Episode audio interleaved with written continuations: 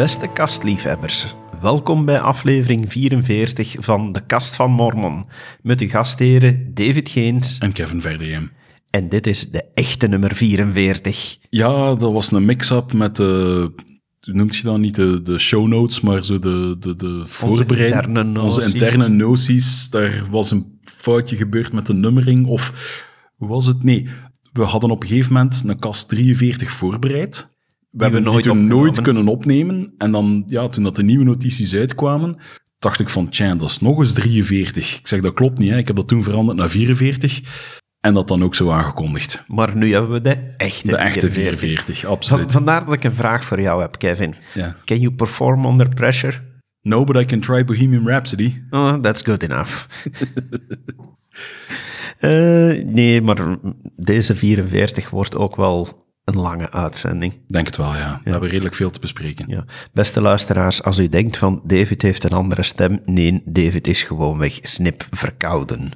Zou het helpen als ik ook mijn neus dichtneem? Eh, nee, eh, ik ga ook zoveel mogelijk van de equalizer afblijven. Het is nu gewoon wat het is. Van, misschien eh, klinkt dit veel beter en eh, zeggen de luisteraars, David, je moet altijd verkouden zijn.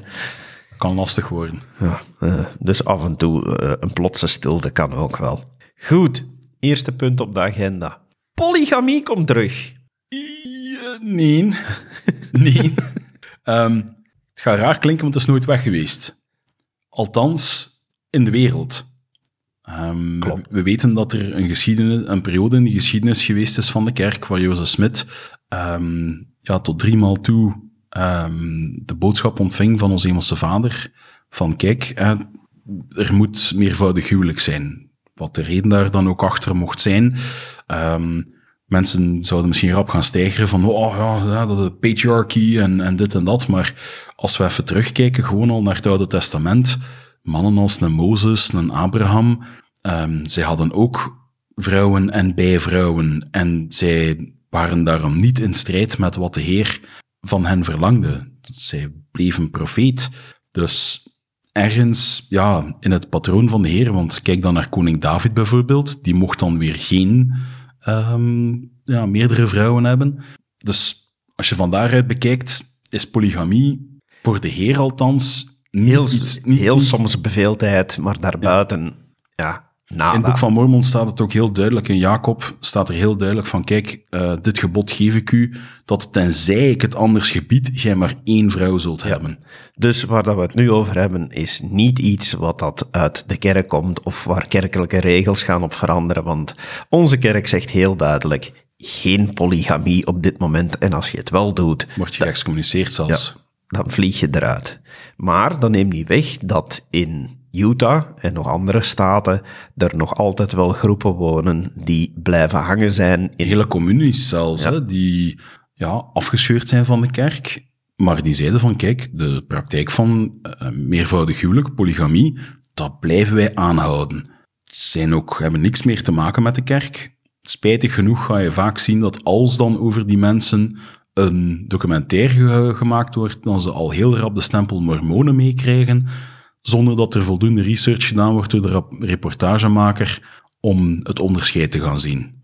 En je kan ze, naar mijn inzien, ook nog in twee groepen indelen. Je hebt natuurlijk een aantal communes waar het dan heel snel blijkt dat achter de polygamie ook andere misdaden schuilgaan, zoals kindhuwelijken, gedwongen huwelijken, misbruik. Maar je hebt ook, en dat zie je ook in bepaalde series die dat er dan eh, met veel smakelijke tv eh, online worden gebracht. Sister Wives, Ja, bijvoorbeeld. dan zie je ook van dat het evengoed kan in onderlinge overeenstemming. Ja, dat het eh, adult consent, zoals men het dan zo mooi noemt, eh, dat, dat, dat dat ook wel werkt. Ja, mutual consent, ja. Mutual consent, hoe dat je het ook wil noemen. Maar het is lang, is tot op vandaag nog steeds een criminele praktijk in de Verenigde Staten, toch zeker in de staat Utah. Ja, en daar komt nu verandering in. De Utah-senaat heeft een wet aangenomen die dat het, eh, de polygamie, eh, mits wederzijdse toestemming, heel duidelijk daarin zijn, ja, of beter gezegd wettelijk gezien zelfs bigamie, ja, want dan moet je altijd gaan kijken van met twee partners, of met meer dan twee partners gaan trouwen, ja, dat bigamie met onderlinge toestemming decriminaliseert. Zijnde van, het blijft nog strafbaar, maar het niveau van de straf verlaagt enorm. staat gelijk aan een, aan een snelheidsovertreding. Ja. Bij allee, gradatie van, van ernst. Ja. Plus het feit dat ze ja, het toestaan tenzij dat er blijk is van andere criminele feiten. Dus ze gaan niet actief gaan ehm, procederen. Ze gaan niet actief die mensen gaan eh, opzoeken. Maar de wet is er nog niet door. Die moet Jawel, nu nog jawel, jawel. Jawel, volgens dat artikel. Want Nee, nee, maar dit artikel is al een paar dagen oud. Ah. Ja, eh, vandaag, eh, dus het is gisteren gestemd geweest. En In het de is Kamer Sen- dan, ja. En het is de, Senaat, de Utah-Senaat gepasseerd. Ah, en het is goedgekeurd. Dus eh, men, men is ermee akkoord gegaan. Men heeft ook wel in de wet tegelijk voorzien dat wanneer polygamie voorkomt met andere misdaden, zoals child abuse, zoals gedwongen huwelijken, eh, zoals het uitstoten van jongens, want dat gebeurt dan ook heel veel in die communes, omdat er te weinig eh, meisjes zijn en te veel jongens. Ehm, als dat gebeurt, daar zijn de straffen voor verzwaard. Ah, ja.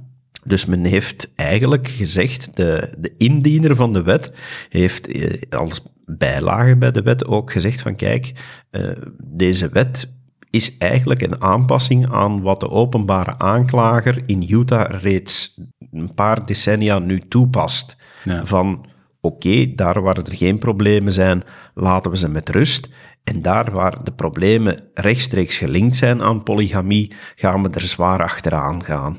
Eh, dus de wet wil, wil eigenlijk volgens hem en de voorstanders van die wet beogen dat mensen die er vrijwillig voor kiezen om met meerdere partners te gaan samenwonen, om die dat ook toe te laten. En daar zit een stuk van redenering achter. Ik denk dat er heel weinig religieuze redenering komt bij kijken. Het wil nu net lukken dat het in Utah gebeurt, waar inderdaad om religieuze redenen eh, heel wat polygamisten nog, of heel wat, toch nog wel wat polygamisten wonen. Maar in een tijd waar dat je zegt dat, dat je ja, huwelijken van eender welke vorm toelaat, eh, zoals ja, huwelijken van hetzelfde geslacht en zo, dan wist je dat dit vroeg of later zou aankomen. Utah is nu de eerste, maar er gaan nog andere staten volgen. Dat kan niet anders, want dit gaat anders sowieso naar het Hoge Rechtshof van diegenen die dat dit willen en zeggen van, ja, maar ja, als je tegenwoordig geen eh exclusieven meer stelt op het huwelijk tussen man en vrouw, ja, dan moet je andere vormen ook aanvaarden. Wist je dat er polygamie bestaat in België? Wettelijke?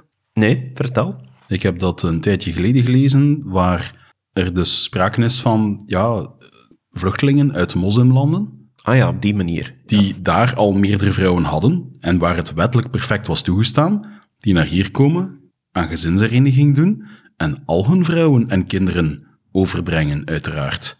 Allee, voor hen is dat dan een given. En ja, zij krijgen dan ook wettelijk wel het statuut van, kijk, die persoon is inderdaad met meerdere vrouwen getrouwd. Dus ondanks het feit dat je hier in België geen meervoudig huwelijk kan aangaan, is het niet iets dat bij wet verboden is per se. Hm. Je kan het alleen niet aangaan. strikt als legalist, als iemand die van de wet houdt en de wet eh, beschouwt als iets heel belangrijk in onze verlichte samenleving, zit ik mij af te vragen van hoe lang het inderdaad nog kan duren voor diezelfde redenering wordt gevolgd hier in Europa. Nu hier het, ik ga het algemeen het homohuwelijk noemen, en daar bedoel ik dan eh, al diegenen mee eh, die, eh, die onder ja, die categorie vallen van, van same-sex marriage, dan vraag ik mij af van hoe lang gaat het nog duren voor men dit moet aanpassen om dit ook toe te laten.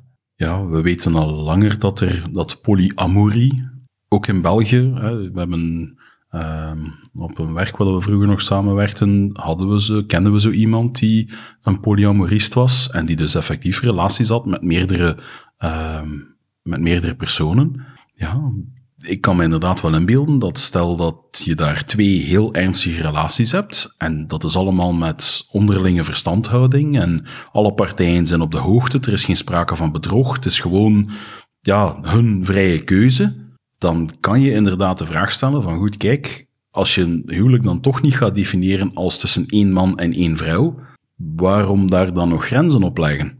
Hoe lang nog inderdaad voordat die wetgeving ook daarin versoepeld wordt? Nu, ik denk niet, je hoort er toch zeer weinig van, ik denk niet dat er veel vraag naar is in België. Maar ik kan mij beelden dat dat punt misschien wel gaat komen. Misschien als er op een gegeven moment een pak meer moslims zouden zijn bijvoorbeeld, die zeggen van ja, maar kijk, hè, binnen ons geloof kunnen wij wel aan meervoudig huwelijk doen en wij zouden dat graag hier in België ook doen. Wie weet. In ieder geval, ik ga hier een disclaimer inserten. Ja, aan onze vrouwen willen we heel duidelijk zeggen, nee, we zijn niet over dit onderwerp bezig om ook maar enige verandering in onze kerkelijke leer te, te promoten. Uh, wij zijn heel blij dat het één man, één vrouw is. Absoluut. Um, ik zou niet weten hoe dat ik zoiets zou moeten aanpakken. Ik uh, ben heel blij met mijn vrouwke. Ik hou zielsveel van mijn vrouwke. Ik kan me niet inbeelden dat ik ja, mijn liefde zou verdelen over meer dan één echtgenote. In die mate zelfs, dan moest de kerk nu plots afkomen en zeggen van gemoed, dat ik het daar wel heel zwaar mee zou hebben. En dat ik niet weet, ik kan op dit moment, omdat het niet ter sprake komt, ik kan nu niet zeggen van, ja, dat zou voor mij een dealbreaker zijn of niet. Ja. Ik, ik zou het er heel, heel lastig mee hebben. Laten we ons, houden, laten we ons houden bij de situatie die het nu is. We gaan het hebben over volume 2 van een boekenreeks. Ja, een boekenreeks die jij nog ik al geluisterd of gelezen hebben, denk ik. Maar mijn echtgenote heeft al volume 1 gelezen en kijkt enorm hard uit naar volume 2, dat nu live is. Dus we hebben het over uh, Saints, uh, volume 2. Uh, volume 1 ging over de beginjaren van... Misschien voor de luisteraars die nog even terugspoelen. Um, Saints is een, een reeks die uitkomt over kerkgeschiedenis. Ja, maar dan niet zo heel feitelijk verteld, maar vanuit het perspectief van personages. Ja, inderdaad. Um, van dit is allemaal waar gebeurt, allemaal op, op, op ware feiten, maar het wordt in, in verhaalvorm vanuit een, een, een personage um, gebracht. En niet zozeer pure proza van dit is er dan gebeurd en dan dit en dan mhm. dat. Ja, En nu komt deel 2 uh, eh, daarvan uit. En deel 2, en daar zullen er heel veel uh, blij mee zijn, uh, richt zich op, op een aantal zaken. we, hebben de, we hebben de samenvatting even doorgenomen. En een van de belangrijkste zaken dat ik er wil in aanstippen, is dat dit stuk, stuk kerkgeschiedenis zich richt op wat vrouwen hebben bereikt voor de kerk. Toffe. Super, want er wordt altijd gezegd, zeker door onze tegenstanders, dat onze kerk zeer patriarchaal ingericht is. En dat is voor een stuk zo, daar moeten we niet rond de pot draaien. Maar ja, dat houdt niet tegen dat vrouwen ook een belangrijke rol spelen in onze kerk. Absoluut, nog zo geen klein beetje. Amai, nog niet. Nu meer dan ooit. Dat is al veel, dat is, dat is nog gegroeid doorheen de jaren. Maar zelfs in de geschiedenis, en dit deel 2, laat dat ook heel goed zien, dat vrouwen een belangrijke rol hebben gespeeld. Wat en ik kijk er naar uit om het te lezen, als ik eens meer tijd heb. Het staat zeker op mijn te lezen uh, lijst. Is onder andere van het feit van de opofferingen van de vrouwen die Utah eigenlijk hebben gekoloniseerd.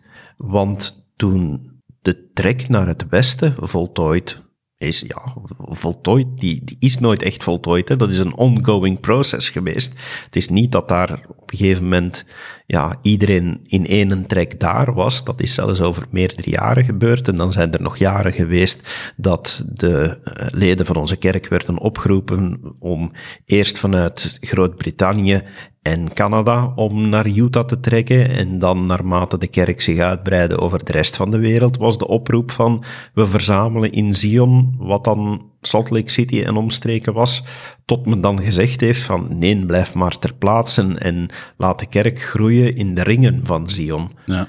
Maar die eerste jaren en tientallen jaren dat onze kerk verzamelde in Utah, zijn er ook heel veel mannen onmiddellijk op zending gestuurd. Niet alleen dat, je had ook nog een heel, heel groep mannen die in de Mexicaanse oorlog moesten gaan vechten. Ook al. Maar wat de reden ook was, je had dus heel veel vrouwen die voor een gezin moesten zorgen, ondertussen een Huizen huis bouwen, moesten bouwen. Scholen, winkels, infrastructuur, noem het maar. Hè. Ja, ongelooflijk als je daarbij stil... Ik had er eigenlijk nog nooit bij stilgestaan. Je leest dat hier en daar. Als je een stuk kerkgeschiedenis leest, dan is dat meestal heel feitelijk van... Ja, dan is dat, dat onderdeel opgericht en dan is, zijn, zijn die verordeningen geweest. Maar dit laat nu eens zien wat een opoffering mensen gebracht hebben. En Absoluut. Dat, dat vond ik heel speciaal hier, hier eigenlijk in. En, en geef ik uit waarom... Allee, kijk, lees- geef de reden waarom ik al uitkijk naar, naar dit onderdeel. Ja. Ehm, ik moet zo terugdenken aan een oude kerkfilm die ik ooit gezien heb, ehm, die ook ging over de pioniers.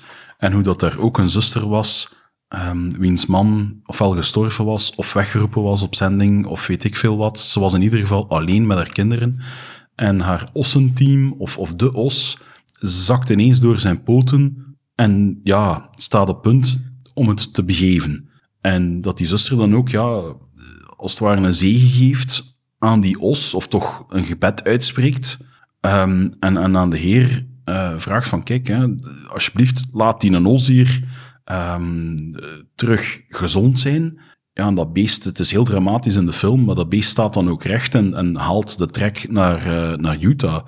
Maar kun je inbeelden dat je niet met een handkar, maar dat je met zo'n zware huifkar met heel uw hebben en houden naar daar vertrekt en dat ineens uw lastdier het begeeft? Ja, dat zijn zo van die dingen. ehm, eh, de zusters die aankwamen in eh, Salt Lake met hun kostbaar servies dat al generaties meeging in, ehm, in de familie. Dan wordt de Salt Lake Tempel gebouwd en dan worden ze gevraagd om dat servies te doneren, zodanig dat het kan verpulverd worden, om ja, de, de, de muren te, te laten glanzen. Ehm, ik weet nu niet meer, ben nu aan het twijfelen of dat het de Salt Lake Tempel was. Volgens mij was dat niet de Salt Lake de Tempel. de- Nauvoo. eh, dat gaat eerder de, ik denk zelfs de Kirtland Tempel. Kijk, Kirtland nog. Ja, Maar goed, dat is ook van de pioniers een van de offers. Maar als man had je zoiets van, ja, we mochten toch nooit van die taloren eten. Ja, dat was alleen voor de zondag. Dat staat daar stof te verzamelen in een kast met een glazenke voor zo. Als man gaat je dat niet veel boeien. Maar als vrouw kan het mij inbeelden dat dat, ja, dat is, uw mama heeft u dat gegeven en uw grootmoeder heeft dat nog gebruikt. En dat gaat al generaties mee en plots geef je daar dat offer. Dat lijkt iets klein, maar emotioneel kan het mij inbeelden. Dat is iets van the old country, van, van, van waar je vandaan komt. Dat is je heritage.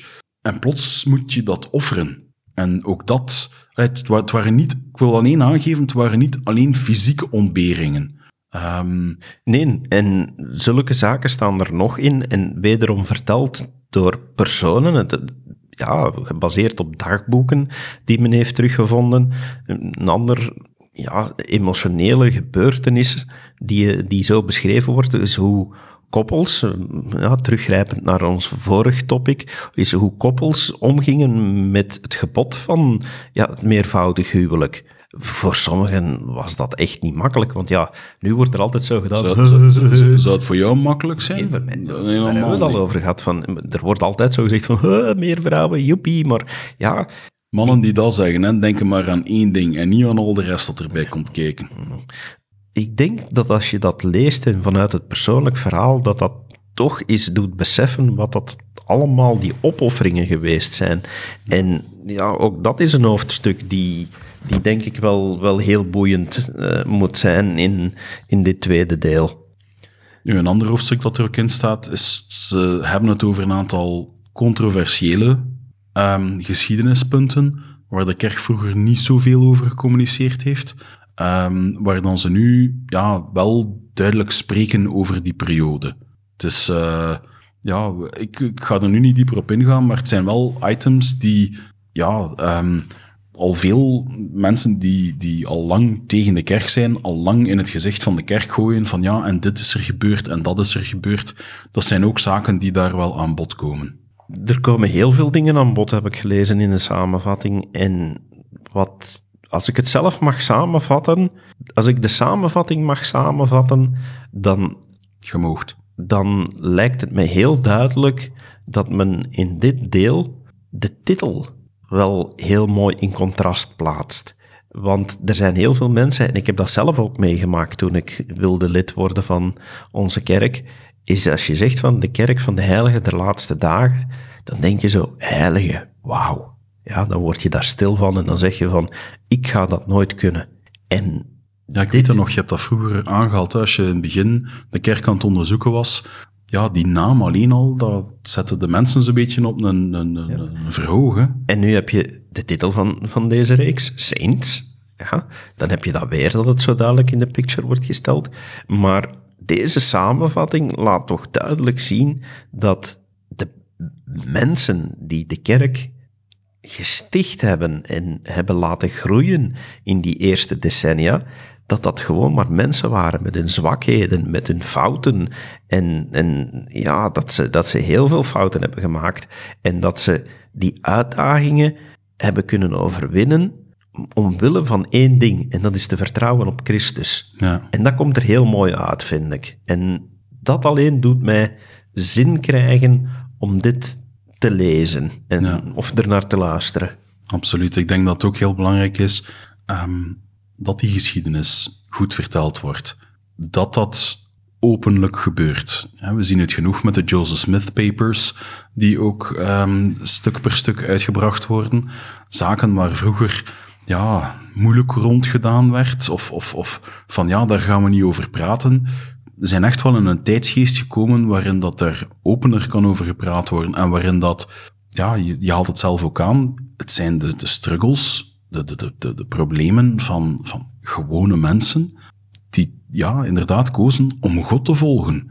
Natuurlijk zijn dat gewone mensen. Natuurlijk hebben ze een probleem. Als je natuurlijk door de wildernis trekt, dan ga je een soort problemen tegenkomen dat anderen niet tegenkomen.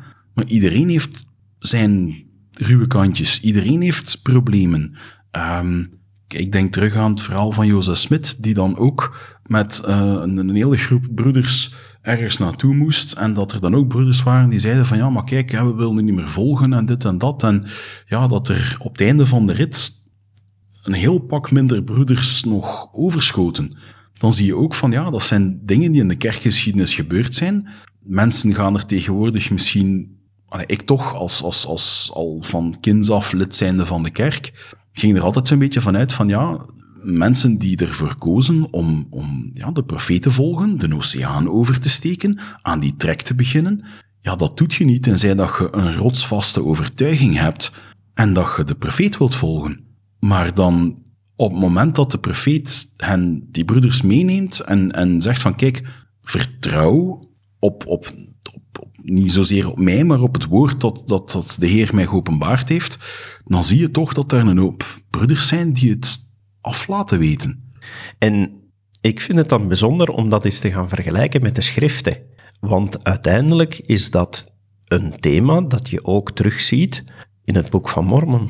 Als Lee zijn tocht door de wildernis doet, als hij de oversteek doet en wanneer Nefi aankomt in eh, het beloofde land aan de andere kant van de oceaan, dan zie je ook diezelfde thema's. Er zijn er die volgen, er zijn er die niet volgen, er zijn er die dat eh geruisloos en zonder eh, Morren. morren dat allemaal aanvaarden, en er zijn er die in opstand komen. Heb jij u nog nooit de vraag gesteld, hadden ze Lama alleen wel nu gewoon, en wel, heb je geen goesting om mee te gaan, blijf dan thuis. Kun je inbeelden hoe ver gevorderd dat misschien de bevolking op die continenten al zou geweest zijn? Ik zeg niet dat er geen afdwaling van de kerk zou geweest zijn. Uiteindelijk, ja, in het boek van Mormon, de rollen tussen de Lamanieten en de Nefieten, als zijn de, de volgers of, of de, ja, de, de af, nee, geen aflatende, de, de afvalligen, ja, die rol wisselt alles in het boek van Mormon. Maar hè. dat is, dat is wat dat ik net constant bedoel en wat dat jij nu daarnet ook zei, van, en wat dat je in die geschiedenis ziet en wat zich constant gaat herhalen. Je hebt nu ook mensen, we hebben in onze podcast het al gehad over mensen die geëxcommuniceerd werden omdat ze in hun ogen een nobele strijd voerden voor iets waar ze niet akkoord waren met de profeet en, en de apostelen. En ja, waarbij men uiteindelijk met, met heel de pakken mensen eh, uit de kerk uitgaan. Laat het nu zijn, bijvoorbeeld over die standpunten waar we al over gehad hebben, over ja, het homohuwelijk en zo. de geschiedenis herhaalt zich op dat punt constant. En, en deze reeks zal over tientallen, over honderd jaar met evenveel interesse gelezen worden als wij nu kijken naar wat er in het Boek van Mormon staat, wat een chroniek is van, van meer dan 2000 jaar geleden en, enzovoort, enzovoort, enzovoort. We hebben het nu al gehad, hè, omdat je zegt van met, met hele droven de kerk gaan verlaten.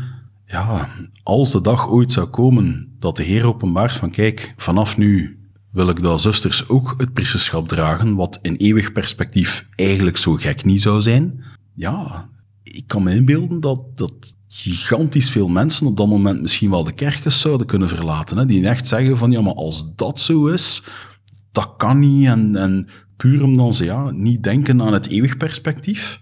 Zoals in zoveel van de onderwerpen die we al besproken hebben, ook bijvoorbeeld met dat meervoudig huwelijk, dat, dat, als je dat in het eeuwig perspectief bekijkt en doorheen de geschiedenis, zijn dat dingen die niet zo vreemd zijn. Maar mensen houden heel hard vast van, zo ben ik opgevoed, zo is het al altijd geweest.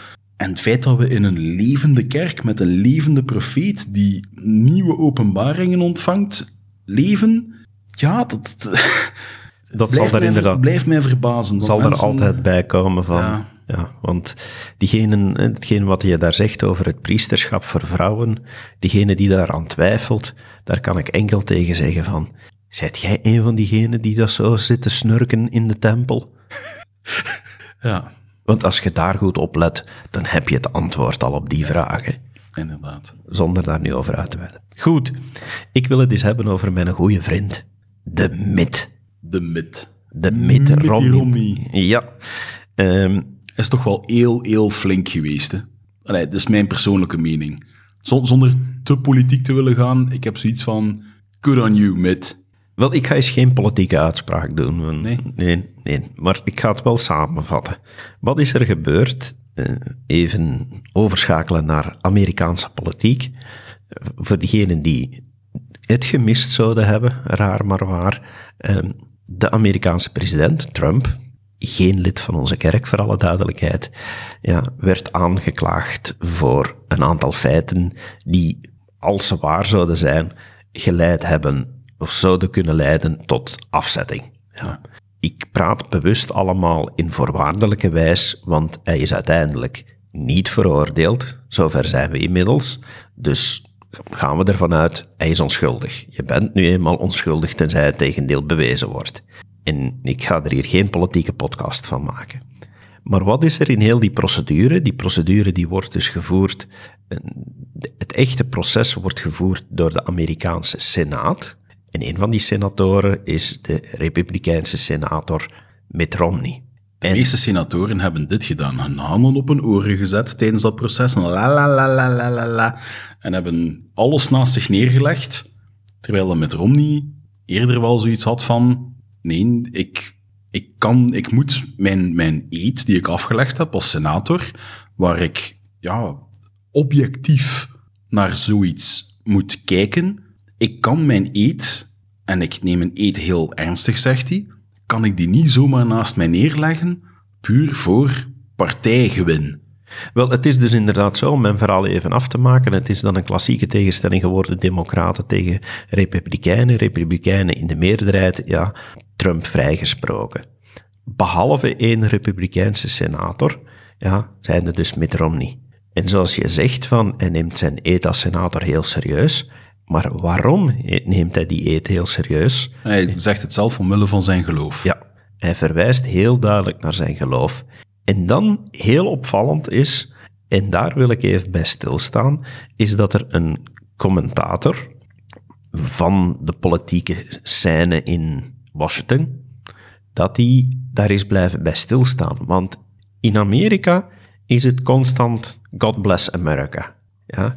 Als wij hier durven in een gemeentehuis een kruis ophangen, ja, staan er politieke partijen op hun achterste staat zelfs, staat zelfs op hun geld, hè. De one dollar bill staat in God we trust. Ja, dus in Amerika is dat heel normaal, ja, maar... Staat zelfs in een grondwet, hè. Mm Maar die commentator die zegt van, het is zo normaal geworden dat het vertrouwen in God en om zijn zegen vragen niet belangrijker meer is dan s morgens kiezen welke kleren je als politicus aandoet eh, en veel minder belangrijk dan de politieke spelletjes die je gaat spelen. En te midden van zulk toneel is er dan toch één iemand die zegt van nee, sorry, mijn geloof is belangrijker dan dit. En ik ga omwille van het feit dat ik wil eerlijk tegenover God kunnen staan, hier doen wat dat ik beloofd heb om te zullen doen. En ja, dat vond ik dan toch opmerkelijk genoeg om, om even ook te vermelden, hoewel het misschien voor ons een ver van ons bedshow is, dat je dan toch ziet dat ja, iemand die toch wel een publieke functie heeft en lid is van onze kerk, ja, laat blijken van, jongens, ik neem mijn geloof niet zomaar licht op.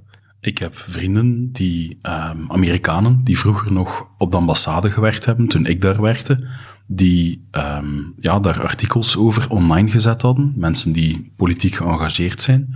En ook zij, ja, niet noodzakelijk praktiserende christenen, hadden wel zoiets van, amai, chapeau, met dat je dit omwille van je geloof toch wil doen. Nu, akkoord, die mensen zijn democratische aanhangers, dus ik kan mij goed inbeelden dat ze blij waren met iemand als Mit, die als het ware hun kant koos. Maar tegelijkertijd zag je ook wel dat ze zoiets hadden van, wel, het is inderdaad fijn om te zien dat iemand toch omwille van zijn geloof zegt van, kijk, nee, ik, ik wil daar, ja, ik heb een eet afgelegd, ik, uh, ik heb beloofd aan mijn hemelse vader om altijd eerlijk te zijn, zegt hij, van wat ik hier gezien heb, kan ik dan niet naast mij neerleggen dat er inderdaad bepaalde feiten gebeurd zijn. En hij heeft dan ook, naar zijn eer en geweten, heeft hij dan ook ja, voor de afzetting van de president gestemd. Ja, ik heb het proces zelf gevolgd, zonder al te politiek te willen gaan doen. Had ik in zijn plaats geweest, ik had hetzelfde gedaan. Ja, maar dat is, dat is, dat is, voer, voor, dat is voer voor een ander debat. Dat, dat, dat, uh, ja, dat staat los van deze kwestie wat mij betreft. Van, ik vond het heel opmerkelijk dat dat inderdaad in een land waar, waar het niet abnormaal is om meer open te zijn over je geloof, dat dit toch zo opvalt. Ja, ja, inderdaad. Goed. Volgende rubriek. Roddelrubriek. Er is een meer. Voor wie het nog niet wist, Larry King, een hele oude CNN-presentator die vroeger een, een, een, de, zijn eigen praatprogramma had, waar dat hij onder andere president Hinckley nog uh, geïnterviewd heeft, um, die uh, is, of beter gezegd was, getrouwd met een lid van de kerk. Ja, en die heeft nu de echtscheiding aangevraagd. En wat heel bijzonder is, in de echtscheidingspapieren, in Amerika moet je dan meestal een reden invullen als je eenzijdig de scheiding aanvraagt. En in de opsomming van redenen staat onder andere het verschil in geloof. Ja. En ja, dan heb je toch zoiets van, ja maar jongen, waarom zijt je dan mee getrouwd? Want je wist al dat ze lid was van onze kerk. Als ik daar even op mag inpikken, ik heb zelf bewust gekozen om te zoeken binnen ja, onze geloofsgemeenschap naar een partner. Uh, ik heb mijn echtgenote dan ook uh, gevonden. En we zijn ondertussen al 13 jaar, bijna in april zal 13 jaar zijn dat we getrouwd zijn. Nu, um, ik ken ook mensen die al een, een poos alleenstaand zijn, die binnen onze kerkgemeenschap zoeken, maar niet zomaar meteen iemand vinden. En dan vind ik het heel jammer dat die dan van um, ja, familie of vrienden of collega's dan zoiets hebben van, ja, maar waarom kijk je daar niet ook eens buiten? Het was, het was eigenlijk naar aanleiding van, van dat, dat ik, dat ik dit in ons onderwerplijstje heb gestoken. Want wat er met Larry King gebeurt, ik vind het erg voor hem. Ik vind het heel erg voor mevrouw King. Want zij was blijkbaar totaal verrast. Maar daar gaat het mij uh, nu niet om. er zijn er zoveel die scheiden. Maar ik vond het een interessante insteek om eens inderdaad blijven stil te staan bij het feit van dat één, het alleszins niet verboden is binnen onze kerk om gemengde huwelijken te hebben, om ze zo te noemen. Hè, tussen leden en niet-leden van onze kerk. Dien te verstaan natuurlijk dat je wel niet ja, voor tijd en alle eeuwigheid aan elkaar kan verzegeld worden in de tempel. Dus je weet, als je zo'n huwelijk aangaat, dat, zoals de wet in, het, in, in de verwoording van de wet ook staat, tot de dood u scheidt. Dat wil zeggen dat, komt een van beiden te overlijden, dan is het natuurlijk gevolgd dat, ja, dat is niet op aarde gebonden, dus dat zal ook niet in de hemel gebonden zijn. En twee, waar ik inderdaad wil blijven bij stilstaan, is van hoe makkelijk is zoiets? Want je haalt het daar al terecht aan. We kennen mensen die niet zomaar hier in onze dun bevolkte contraien wat betreft heilig in de laatste dagen betreft. Mijn echtgenote, mijn echtgenote mocht ik met een auto naar de stad waar dat ze woont gereden hebben. Ik heb het ooit eens op Google Maps nagekeken. Dat zou 2700 kilometer rijden geweest zijn. Dus dat het voor veel mensen een natuurlijk, ja, natuurlijk, dat klinkt ook alweer zo verkeerd, maar dat het een reflex is om binnen onze kerkgemeenschap te zoeken, is heel goed te begrijpen. Want ik denk dat het niet evident is om samen te wonen en de volheid eh, van, van het lidmaatschap van onze kerk eh, te gaan beleven met een partner die geen lid is van onze kerk. En dan denk ik niet voor de mensen zelf die lid zijn van onze kerk, want die beseffen wel hoe belangrijk het is. Maar ik denk dat je nooit kan overbrengen aan iemand die geen lid is van onze kerk, waarom dat je bepaalde keuzes maakt. Kan je je voorstellen dat het nog veel moeilijker is, en daar heb ik al verschillende voorbeelden van gezien, dat binnen een getrouwd koppel, mensen die alle twee lid zijn van de kerk, één van de partners zegt van, voor mij hoeft de kerk niet meer. En die ofwel de kerk verlaten, ofwel volledig inactief gaan. Daar sta je dan als partner die wel actief naar de kerk wil blijven gaan. Ik kan mij inbeelden dat dat niet makkelijk is om daar rond ook afspraken te maken. Ik kan me voorstellen dat dat ja, voor sommige mensen misschien niet zou lukken, dat er zoveel wrijving over komt. Van ja, hè, ik ga al lang niet meer naar die kerk bijvoorbeeld. Waarom zijt jij niet een keer twee zondagen van de vier bij mij hier? Ehm, om maar iets te zeggen. Ehm, ja, ik, ik, ik ken mensen waar dat daar dan een scheiding van gekomen is. Dat Kan. je, ziet, je ziet ook als de ene partner inactief gaat, dat de andere na een tijd ook wegvalt. dat heb ik ook al gezien, ja. Ja. Dus eh, het, het is volgens mij gewoon niet makkelijk. En ik heb daar zelf ook heel diep over nagedacht in de periode toen ik echt wilde gedoopt worden en mijn vrouw daar nog niet klaar voor was. Dat is een van de weinige keren dat wij quasi een huwelijkscrisis hebben meegemaakt. Die heeft toen een jaar tussen gezeten, denk ik. Hè? Ja, tussen het feit van dat ik wist, ik wil, ik wil lid worden van de kerk en dat we uiteindelijk gedoopt zijn. En daar heeft een moment tussen gezeten dat ik dan dacht van, oké, we kunnen op twee snelheden verder gaan. En ik laat mij al dopen en mijn vrouw nog niet. En dan heeft zij heel terecht de opmerking, en ik zeg ook, ik gebruik wel heel bewust het woord terecht, de opmerking gemaakt van, ja, dat gaat niet werken. Want de kans is dan veel te groot dat we nog veel verder uit elkaar groeien en dat jij er op een gegeven moment verkiest om door te gaan met iemand die wel lid is van de kerk en dat wij uit elkaar gaan. Wat enorm jammer zou zijn. Hè? Wat enorm jammer zou zijn. Ik zeg het, ben enorm gezegend dat uiteindelijk na een tijd mijn vrouw ook bereid was om de stap te nemen en dat ze nu heel gelukkig is dat ze die stap heeft genomen en dat we samen als koppel eh, actief zijn in de kerk. Maar het is niet makkelijk. Ik, ik, mijn hart bloedt als ik stilsta bij diegenen die in een situatie zitten van waar een van de partners niet eh, lid is van de kerk, of al diegenen die om een of andere reden niet zomaar een partner vinden. Dat, ja, Ik, ken zo ook iemand die ehm, heel lang meedraaide in, in het, eh, in het JOVO-programma, toen nog, hè, de jongvolwassenen, daar regelmatig contacten had, en, maar er kwam maar nooit iets van. En die persoon is nu ja, samen, eh, gehuwd dacht ik, kinderen samen, ehm, met iemand die totaal geen lid is van de kerk, maar die persoon heeft de kerk dan ook verlaten. Die is niet meer, eh, toch, toch zeker niet meer actief. Ik weet niet of, allee, dat, is ook niet belangrijk wat er uiteindelijk, eh, hoe dat hij de kerk verlaten heeft, maar die is in ieder geval niet meer actief eh, bezig met het evangelie. En dan heb ik zoiets van, dat kan toch niet makkelijk zijn met de kennis die je hebt. Ehm, de persoon was ook eh, op zending geweest. Ehm, je wil heel graag die eeuwige zegeningen. Ik ga die persoon nooit veroordelen. Jamais. Ik kan mij inbeelden dat dat een van de moeilijkste keuzes moet zijn waar je voor geplaatst wordt. Want uiteindelijk, ja, het staat ook in de schriften, Adam viel opdat de mensen mochten zijn. En de mensen zijn opdat zij vreugde mogen kennen. En een van de grootste vreugdes in het leven, die de Heer ook voor ons voorzien heeft, is dat je ja, banden kunt smeden met mensen en dat je eh, een gezin kunt vormen en kinderen hebben. Dat is één van de, niet, niet, niet het enige uiteraard, maar een van de mooiste zegeningen die de Heer voor ons in petto heeft.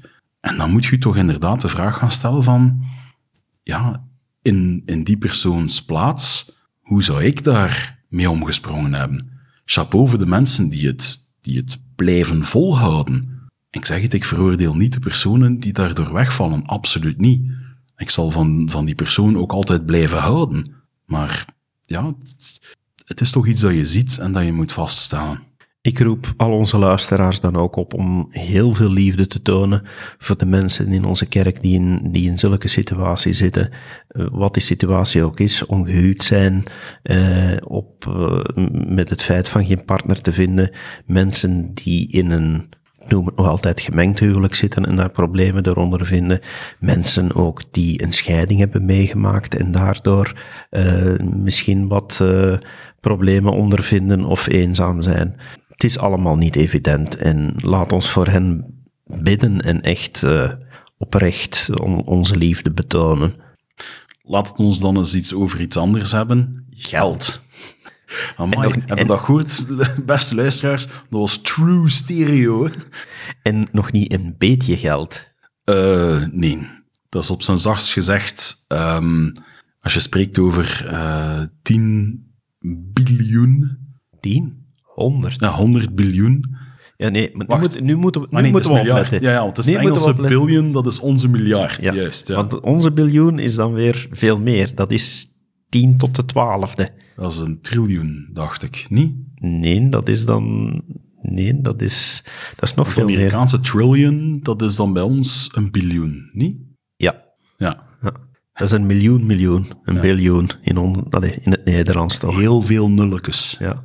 Maar hier gaat het, ja, laat het ons onze uh, tellertjes nemen, uh, ons metrische systeem, wat geld betreft. Het gaat over uh, 100 miljard dollar, ja. die onze kerk belegd heeft. Naar verluid. Naar verluid. Ik ga even samenvatten. Wat is er uitgekomen? Ja, of wat, wat gebeurt er nu? Er is iemand die werkt bij een dochterafdeling ja, een, een investeringsbedrijf van een investeringsbedrijf van de kerk. En die heeft daar gewerkt, die is daar inmiddels weg. En die heeft onder het klokkenluiderstatuut een klacht ingediend bij de IRS, de Sterker federale... Nog, het was de broer van die persoon. Nee, nee, nee, wacht. Ah. Laat me nu even vertellen, Kevin, want ik het probeer juist te schetsen dat er, dat er geen verwarring ontstaat bij onze luisteraars. Er is dus iemand die heeft bij uh, die beleggingsfirma gewerkt en nadat hij daar weggegaan is, heeft hij onder het klokkenluiderstatuut een klacht neergelegd bij de IRS, zijn dus de federale belastingscontroleurs uh, in de Verenigde Staten, dat de kerk, onze kerk, 100 miljard dollar heeft belegd bij die beleggingsfirma, belastingsvrij, omdat kerken in Amerika geen belastingen moeten betalen. En de klacht gaat van dat er volgens hem wel degelijk belastingen moeten op betaald worden, omdat het geld belegd wordt en niet gebruikt wordt voor liefdadigheid. Want de redenering achter de belastingsvrije wetgeving voor kerken is dat dat geld dient voor een goed doel, dat een kerk een goed doel is. Dus hij zegt van, ja, maar het wordt niet gebruikt voor een goed doel, het wordt belegd en brengt geld op, dus er moeten belastingen op betaald worden. Dat is het standpunt van die ex-werknemer. Die is daar niet mee naar buiten gekomen. Die heeft wel die klacht ingediend, maar die is daar niet mee naar buiten gekomen. Zijn tweelingsbroer, waar hij daarmee over gepraat had, is wel met die cijfers naar de pers getrokken. Ja. En dat heeft heel wat beroering veroorzaakt in de Amerikaanse pers. Waarmee dat we totaal niet zeker zijn dat het effectief over die 100 miljard dollar zou gaan. Dat is de bewering van die broer. Dat is de bewering van die broer. Waarmee dat dan niet wil zeggen dat het niet waar kan zijn, natuurlijk. Het kan waar zijn, het kan niet waar zijn. Ja, IRS wil er ook niks over bevestigen, nog ontkennen. Nu, inmiddels zijn de twee broers trouwens ja, hebben er ruzie over. De ene Ja. praat al niet meer met de andere. Ja, de pers heeft dat, ook, voor heeft, tweelingen. ja, heeft, heeft dat ook al moeten bekendmaken. Maar zwart, dat is een detail in de hele discussie. Maar er, er, er is natuurlijk heel veel uitval over dit verhaal naar onze kerk toe. Dit is in januari beginnen, ja, is die steen beginnen te rollen.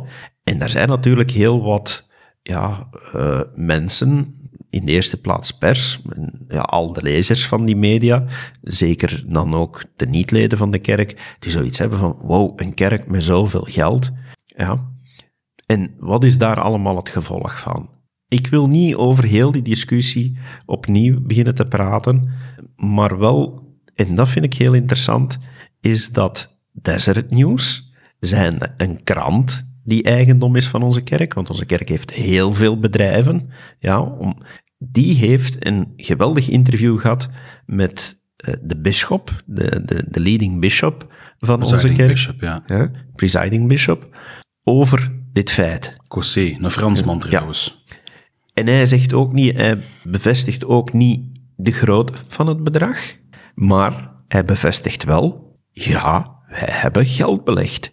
En dat is maar goed ook, want wij zeggen tegen al onze leden, eerste regel, geef niet meer uit dan dat je verdient.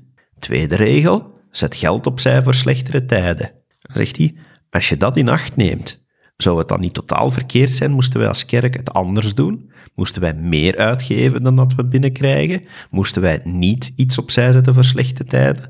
Hij wijst erop dat onze kerk andere tijden heeft meegemaakt in haar geschiedenis.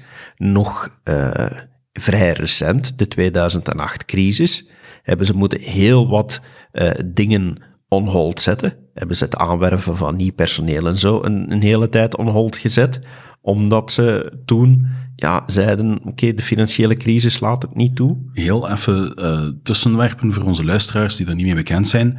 Ja, de kerk heeft voor het, het, uh, het beheer van de gebouwen en, en financiële diensten, wie er nog maar veel, werft inderdaad mensen aan die een loon ontvangen, maar dat zijn wel geen geestelijke leiders. Onze geestelijke leiders krijgen geen verloning. Um, totaal niet. Um, een onkostenvergoeding, en dat is dan meestal van, kijk, daar in dat huis, vlakbij een hoofdkwartier ergens, daar mogen jij nu wonen en we zullen zorgen dat uw elektriek betaald is en hier hebben we een beetje geld voor u, voor uw eten deze maand. Beetje en de, geld. En de reisonkosten, maar het is niet ons er rijk van gaan worden. Nee, maar het is ook niet weinig. Nee, van de echte topleiders van onze kerk, die dat, de algemene autoriteiten, zoals we ze noemen, die krijgen een onkostenvergoeding waarvan ze goed kunnen leven. Maar je mag niet vergeten dat die allemaal een functie krijgen die vergelijkbaar in de privé een veelvoud zouden opleveren. Ja. En dat die meestal al in zulke functies zaten op het moment dat ze geroepen werden. En die verlieten om... Ja, ja en om ze onmiddellijk alles laten vallen, om dan de rest van hun leven die taak te gaan uitvoeren. Dus ja, mensen... Afhankelijk van kan dat zijn dat je de rest van je leven ja, van het ene continent naar het andere reist, dat je je eigendom uh, moet, moet wegdoen, of... Allee, ja. Alleszins niet de rest van hun leven, want dat geldt alleen voor apostelen. Ja, maar 70 is toch al een, een heel lange periode. Tot een 75, ja. dus over pensioenleeftijd gesproken. Ja. Maar goed, dat, ja, dat, dat, dat is een heel andere discussie. Dat is een heel andere discussie, maar het geeft toch maar, maar even mee. Het geld wordt, in, wordt, zoals je terecht opmerkt, voor, voor heel veel dingen gebruikt, zoals bouwen en onderhouden van tempels, al die kerkgebouwen, de opleidingen die worden gegeven, instituut, seminarie. We hebben een universiteit het, met, met meerdere van, campussen. Van, van handboeken, het onderhouden van alle software, het bouwen van die software, um, het, die gigantische uh, uitgaven die ook gedaan worden naar het zendingswerk toe. Um, een, zendings, ja, een, een leger zendelingen het uh, veld insturen. Om maar te zwijgen van de, de, de legers uh, mensen of materiaal dat gebruikt wordt ook om bijvoorbeeld de familiegeschiedenis uh, van quasi de hele wereld te gaan in kaart brengen en dat ook gratis ter beschikking te stellen voor de mensheid. Iedereen die zegt van ja, kijk, ik denk dat ik daar records kan, wel, je kunt die gewoon digitaal opvragen en je kunt die gewoon bekijken. Dus uh, ja, om maar te zwijgen van uh, waterputten, scholen uh, in Afrika, dat soort dingen. Um, er wordt ongelooflijk veel mee gedaan. Sterker nog, uh, Bisschop Cossé heeft aangegeven dat in de laatste vijf jaar um, het, de uitgaven voor humanitaire zaken enorm gestegen zijn en dat het laatste jaar zelfs ja, meer dan een miljard dollar uitgegeven geweest is puur aan humanitaire. Dan spreken we nog niet over het dagelijks runnen van de kerk en alles wat daarbij komt kijken. Puur dan, ja, de, de, de facilities en de gebouwen en de weet Klopt. ik veel wat. Klopt. En men Want geeft heel duidelijk aan dat... Wij zijn dat de mannen die de gas doen branden. Iemand moet die gas betalen, hè. En eh, ze geven ook heel duidelijk in het interview aan dat dat 1 miljard dat men aan humanitaire hulp geeft, dat dat een verdubbeling is op slechts vijf jaar tijd en dat het niet de laatste verdubbeling zal zijn, omdat men ook weet van dat er altijd maar meer en meer crisissen komen in de wereld en dat onze kerk wil klaarstaan daarvoor. Eh, Ze zijn ook in die mate georganiseerd dat er in een mum van tijd, de kerk is meestal de eerste die bijvoorbeeld een rampgebied als eh, toen daar in eh, het zuiden van Amerika, eh, Hurricane Katrina, onze kerk was een van de eerste die met de camions met hulpgoederen binnengelaten werd in dat gebied, want er waren best veel mensen die wouden vrijwilligen, maar onze kerk was een van de eerste die daar in dat gebied toegelaten werd, omdat wij een plan hadden, omdat wij middelen hadden en omdat we een heel netwerk hadden, de leden gewoon, om de handen uit de mouw te steken. Er zijn mensen van overal in de wereld, van onze kerk, ook daar op eigen kosten naartoe gereisd, om de handen uit de mouw te steken en hun twee weken verlof daaraan te geven, bijvoorbeeld. Wat dat ik bijzonder vind, is dat onze kerk heel duidelijk zegt van zonder daar nu cijfers op te plakken. Ja, want ze willen natuurlijk ook niet. eh, je zou kunnen zeggen van waarom is men er niet transparanter over? Ik kan dat begrijpen. Van ja, uiteindelijk wil men ook niet zomaar met bepaalde dingen te koop lopen, want dan zouden er verkeerde ideeën kunnen ontstaan. En ik kom daar straks even op terug. Ik zet dat nu even aan de kant om tot mijn volgend punt te komen. Dat er op dit moment een goede boterham opzij ligt, is ook het gevolg doordat we nu al een van de langste periodes van, eh, van groei meemaken, onder andere in de Verenigde Staten. Stelt men heel duidelijk. Ja. Dus dat er opbrengsten zijn, ja, dat is heel goed. En daarmee heeft men nu net een heel lange spaarperiode. En dat de spaarpot op zijn dikste staat, is heel belangrijk. Twee, Bishop Waddell zegt dat ook. Evenzeer weten we dat er dus ook andere periodes zullen zijn. Dat we zullen zo weinig binnenkrijgen dat we, dat we zo de regel nummer één gaan overtreden. En dat we dus, want wat zijn de inkomsten van de kerk? Tindes betalen. Ja, Vaste gaven. Ja, vaste gaven. Maar voornamelijk tindes. Ja. Want vaste gaven worden sowieso al gebruikt om andere leden te helpen. Dus de tindes is hetgeen waarmee we de kerk moet runnen. En tindes, ja, voor wie nog nooit eerder naar onze podcast heeft geluisterd, is ja, wij als leden geven een tiende van ons loon af. Van onze vermeerdering, ja. Ja, van onze vermeerdering. Ja, geven dat af. Nu, eh, waar wilde ik nu weer toe komen? Ja, is dat, dat zijn de inkomsten. Maar dus regel nummer één, om dat terug eh, naar te grijpen van niet meer uitgeven dan wat er binnenkomt. Ja. Er zullen dus jaren van economische depressies zijn. De, dat de vette en magere jaren. ja, je hebt de zeven vette en de zeven magere jaren. Dat er dus minder geld zal binnenkomen. Want ja, als er depressies zijn, dan is het niet alleen zo dat de kerk minder verdient met haar beleggingen en met haar bezittingen, maar dat ook haar leden minder tinders gaan betalen. Gewoon omdat ze minder inkomsten Dat er hebben. minder inkomsten zijn, terwijl er meer noden gaan zijn. Ja. Ja. Plus, Dus Bishopric zegt heel duidelijk, op zulk moment willen wij als kerk niet met onze operaties stoppen. Niet in, niet in het eh, bedienen van de kerk, niet, we willen geen kerkgebouwen moeten gaan sluiten omdat er een economische depressie is. We willen geen tempels minder gaan bouwen. We willen niet minderen met onze humanitaire hulp. Dus wij moeten een spaarpotje hebben. Ja. Of zelfs een dikke spaarpot. De tekenen destijds zijn er ook, hè, David. De tekenen destijds, eh, wij geloven in de wederkomst van Christus. En ja, de schriften staan bol met ehm, ja, de tekenen voor zijn komst. En daaruit leren we ja, dat, dat de tijden ook moeilijker gaan worden. Dat er veel meer ophef zal zijn in de wereld. Ehm, dat er ja, ook qua natuurrampen, dat dat ook in intensiteit zou gaan toenemen. Ehm, zo lijkt het mij althans de laatste tijd, als ik het nieuws volg. En ja, daarmee, het is normaal en men, men steekt dat ook niet weg, dat er nu behoorlijk wat in beleggingen zit en in bezittingen.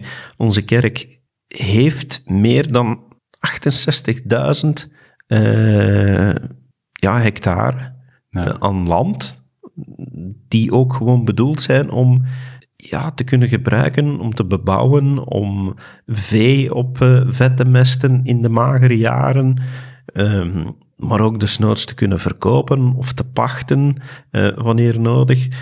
Onze kerk heeft ook aandelen in bedrijven, uh, maar altijd met het idee, zeggen ze ook heel duidelijk, niet om te speculeren, maar op een 30, 40-jarige visie. Dus ja, ik vind, dat, ik vind dat ze eigenlijk heel slim omgaan met, met wat ze binnenkrijgen.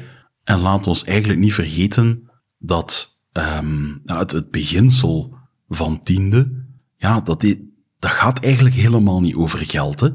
Het beginsel van tiende is eigenlijk de Heer die zegt van kijk, ik geef u alles wat je hebt, geef mij een klein deeltje terug, en het staat op verschillende plaatsen in de schriften, en zie dat ik u niet de vensters des hemelen zal openen, dat gij niet voldoende hebt om te ontvangen. Ik kan daarvan getuigen, ik heb ook al momenten gehad dat het was van, oké, ofwel betaal ik nu mijn tiende, ofwel zitten we binnen een maand plots in de problemen, hè, of, of allee, het een of het ander, en dat ik er dan gezegend werd met een nieuwe job, bijvoorbeeld. Um, waardoor ik, waar ik zelfs, uh, waar ik ook beter van werd. Um, het zijn zaken die, ja, je kan zeggen van ja, maar je zou die job misschien toch sowieso al gehad hebben, of dit of dat. Ik kan ervan getuigen dat... Dat is wederom een kwestie van geloof. Dat is een kwestie van geloof, maar ik kan persoonlijk wel zeggen dat de Heer met zijn uh, gebod om tiende te betalen eigenlijk zegt van kijk, toon eens dat je mij vertrouwt. En ik zal ervoor zorgen, als, als, als, als, als belofte, zal ik ervoor zorgen dat je er niet armer, in tegendeel, maar dat je er beter van zult worden. En ik kan mijn stem voegen bij de stemmen van zoveel die mij hun ja, uh, ervaringen daarmee gedeeld hebben. En... En, en, en, en, en, en, en zeggen dat ik, ja, ik kan er alleen maar van zeggen van, ja, dat beginsel klopt. Ik heb al ontelbare zegeningen ontvangen. Um, ja, ik, ja, kan alleen maar zeggen, het is een geestelijke wet. En het zou te gemakkelijk zijn om te gaan zeggen van ja, maar ja, kijk, dus puur omdat de kerk geld nodig heeft en dit en dat, dat is een wet van mensen. Nee, Abraham betaalde al tiende aan uh, in het Oude Testament. Dat is een gebod van alle tijden. Wat dat ik voor vrees, en daar zou ik willen mee afronden, is, uh, ik zeg het van, ik vind het heel, ik vind het zelfs positief om te horen dat onze kerk spaart. Het enige wat dat ik vrees is dat er mensen hierdoor weer zo gaan schrikken en zeggen van oeh, die kerk heeft zoveel geld, dus uh, waarom zitten wij nog tinden te betalen? Ik vind jouw getuigenis over het feit van dat tinden betalen, dat dat een gebod is die heel veel zegeningen meebrengt, zowel voor diegene die betaalt als diegene die aan de ontvangende kant zit. En, uh, en, ja, en toch gaat dit leiden tot mensen die zeggen van, ah, nu dat ik weet dat daar, ik ga het cijfer aanhouden, 100 miljard dollar opzij staat, nee, maar ik ga wat minder betalen deze maand. En dat ze daarmee ja, eigenlijk in hun eigen zegeningen gaan, gaan snijden. En dat was de reden waarom ik, waarom ik dit eh, wou op onze podcast brengen, is om te zeggen van, bekijk het eens van een andere kant. Het is positief dat, het, uh, dat, het, dat er een spaarpot is en laat dat u niet ontmoedigen om tinnen te betalen. Absoluut niet. Want dat zou zo verkeerd zijn. Uh, dus ja, nee, uh, stop daar zeker niet mee. Laatste puntje ja. dat ik verzameld had voor onze podcast. Misschien eerst even terugspoelen naar een podcast een hele tijd terug. Um, de kerk heeft de Boy Scouts of America um, de rug toegekeerd, zouden we bijna kunnen zeggen. In de zin van, je mag er gerust nog bij zijn, maar de kerk affilieert er zich niet meer mee. Wel, nog iets verder terugspoelen. De band tussen de kerk en de Boy Scout of America is altijd heel close geweest. Ja. Onze kerk heeft altijd... Uh... Sterker nog, Scoutsmaster was een, een, een, een roeping binnen de kerk. Ja. Er waren, de kerk, elke wijk had zijn eigen scoutsafdeling, bij wijze van spreken. Waar dat dan andere jongens, die misschien geen lid waren van de kerk, gewoon aan meededen, want dat was de lokale scoutsafdeling. Maar dat was iets heel Amerikaans. En onze kerk heeft een tijd geleden gezegd van, we gaan die samenwerking verbreken. Uh, en we gaan wereldwijd een nieuw jeugdprogramma opzetten. Dat is, dat is nu... Dat is nu volop aan het uitrollen, dat, dat ziet er fantastisch uit. Goed, dat even als background, hoewel het eigenlijk los staat. Maar je ziet toch hoe is men voorzienig geweest? Is het de profeet die een waarschuwing heeft gekregen? Maar blijkbaar zat, zaten, of zat de organisatie van Boy Scouts of America toch met een gigantisch probleem. Ja, ik denk niet typisch voor hen. Kindermisbruik. hè? Kindermisbruik, ja. En dat komt overal voor. Ja, Spijtig genoeg. spijtig genoeg. Gaat ook in onze kerk zijn er gevallen. Ja, dat weet ik gewoon weg. Maar nu, binnen de Boy Scouts of America, komen er nu in één keer zoveel naar boven, dat ze gewoonweg zoveel processen aan hun been krijgen. Ja, ze hebben gewoonweg bankroet aangevraagd. Ja, ze hebben een faillissement aangevraagd. Ze hebben het faillissement aangevraagd. Ehm, niet belangrijk, eh, denk ik, om, om te zeggen, om, om direct te verbinden met onze kerk. Behalve voor diegenen die, die weten van wat een band er altijd geweest is tussen de Boy Scouts of America. Eh, ook heel belangrijk om te vermelden, nergens in wat dat ik heb nageplozen even in het dossier zeg, eh, komt naar boven dat het misbruik zeer specifiek binnen kerkelijke kringen gebeurde. Dus de, blijkbaar is er wel, zijn er heel wat aanklachten tegen de Boy Scouts of America, maar ik vind nergens nieuws terug die dan zegt van dat het net binnen die groepen waren, want Boy Scouts of America werkt met lokale groepen, en je had dus groepen van henzelf en je had groepen van de kerk. Het is niet zo dat het... eh, dat het specifiek wordt toegeschreven aan kerkelijke groepen. Ik denk, mocht dat het geval zijn, dat er de media al veel meer rugbaarheid aan zou gegeven hebben. En dat men veel eerder achter de kerk zou aangaan. Zeker nu er dus de uitspraken zijn wat een spaarpot Ja. er is. Dus eh, ja, ehm, daarmee, ja, ik wou het even gewoon eh, ter afsluiting meegeven. Spijtig genoeg eh, zijn er duizenden mannen die in het verleden misbruikt zijn bij de padvinderij, terwijl het zo'n nobel programma had moeten zijn. Ehm, ja, laat ons hopen dat ze op een of andere manier kunnen, eh, want het is wel een bedoeling dat men door het aanvragen van het faillissement de zaken kan regelen, eh propere kan maken en dat men terug kan rechtstaan. Want de doelen waar Ze de willen Boy wel graag Scouts een doorstart maken. ja. doelen waar Boy Scouts voor staan, zijn nog altijd nobele doelen. En zou niet verkeerd zijn dat eh, jongeren daar nog altijd mee in aanraking worden gebracht. Absoluut. Daarmee kunnen we onze podcast nummer 44, Ja, Kevin. David 44. 44, kunnen we die daarmee gaan beëindigen. Nu, ehm, zoals altijd, vragen onze luisteraars om feedback. Ah, alsjeblieft, meer feedback. Ja, eh, meer, meer ook eh, ja, vragen, meer eh, opmerkingen. We zouden niks liever doen dan eigenlijk ja, een, een soort van vragenmomentje in de podcast kunnen hebben waar we vragen van onze luisteraars beantwoorden. Dat zou we- top zijn. We hebben, ook leuke commentaren, gehad, we hebben ook leuke commentaren recent gehad van mensen die zeggen van, die het heel fijn vonden dat we na onze afwezigheid terug waren. Ik had zelfs iemand die ons via Facebook zo van, zeg, zijn jullie daarmee gestopt of zo? Want ja, ik, ik, ik, ik zit aan het einde en ik wil graag meer. Dus dat was heel fijn. Ja, inderdaad. Eh, dus laat maar komen, die vragen, die opmerkingen, eh, zelfs de kritische opmerkingen, daar kunnen we alleen maar uit leren. Die mag je sturen naar zeg het maar at dekastvandmormon.info en ook op onze Facebookpagina kan je terecht. Daar moeten we ook terug wat meer energie in steken om berichtjes te laten verschijnen.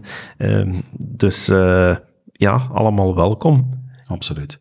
En dan hebben we nu enkel maar van u afscheid te nemen en u uit te nodigen om bij de kast nummer 45 of 44,5 kunnen we er ook nog van maken. Eh, Kwestie van het niet ingewikkeld te maken.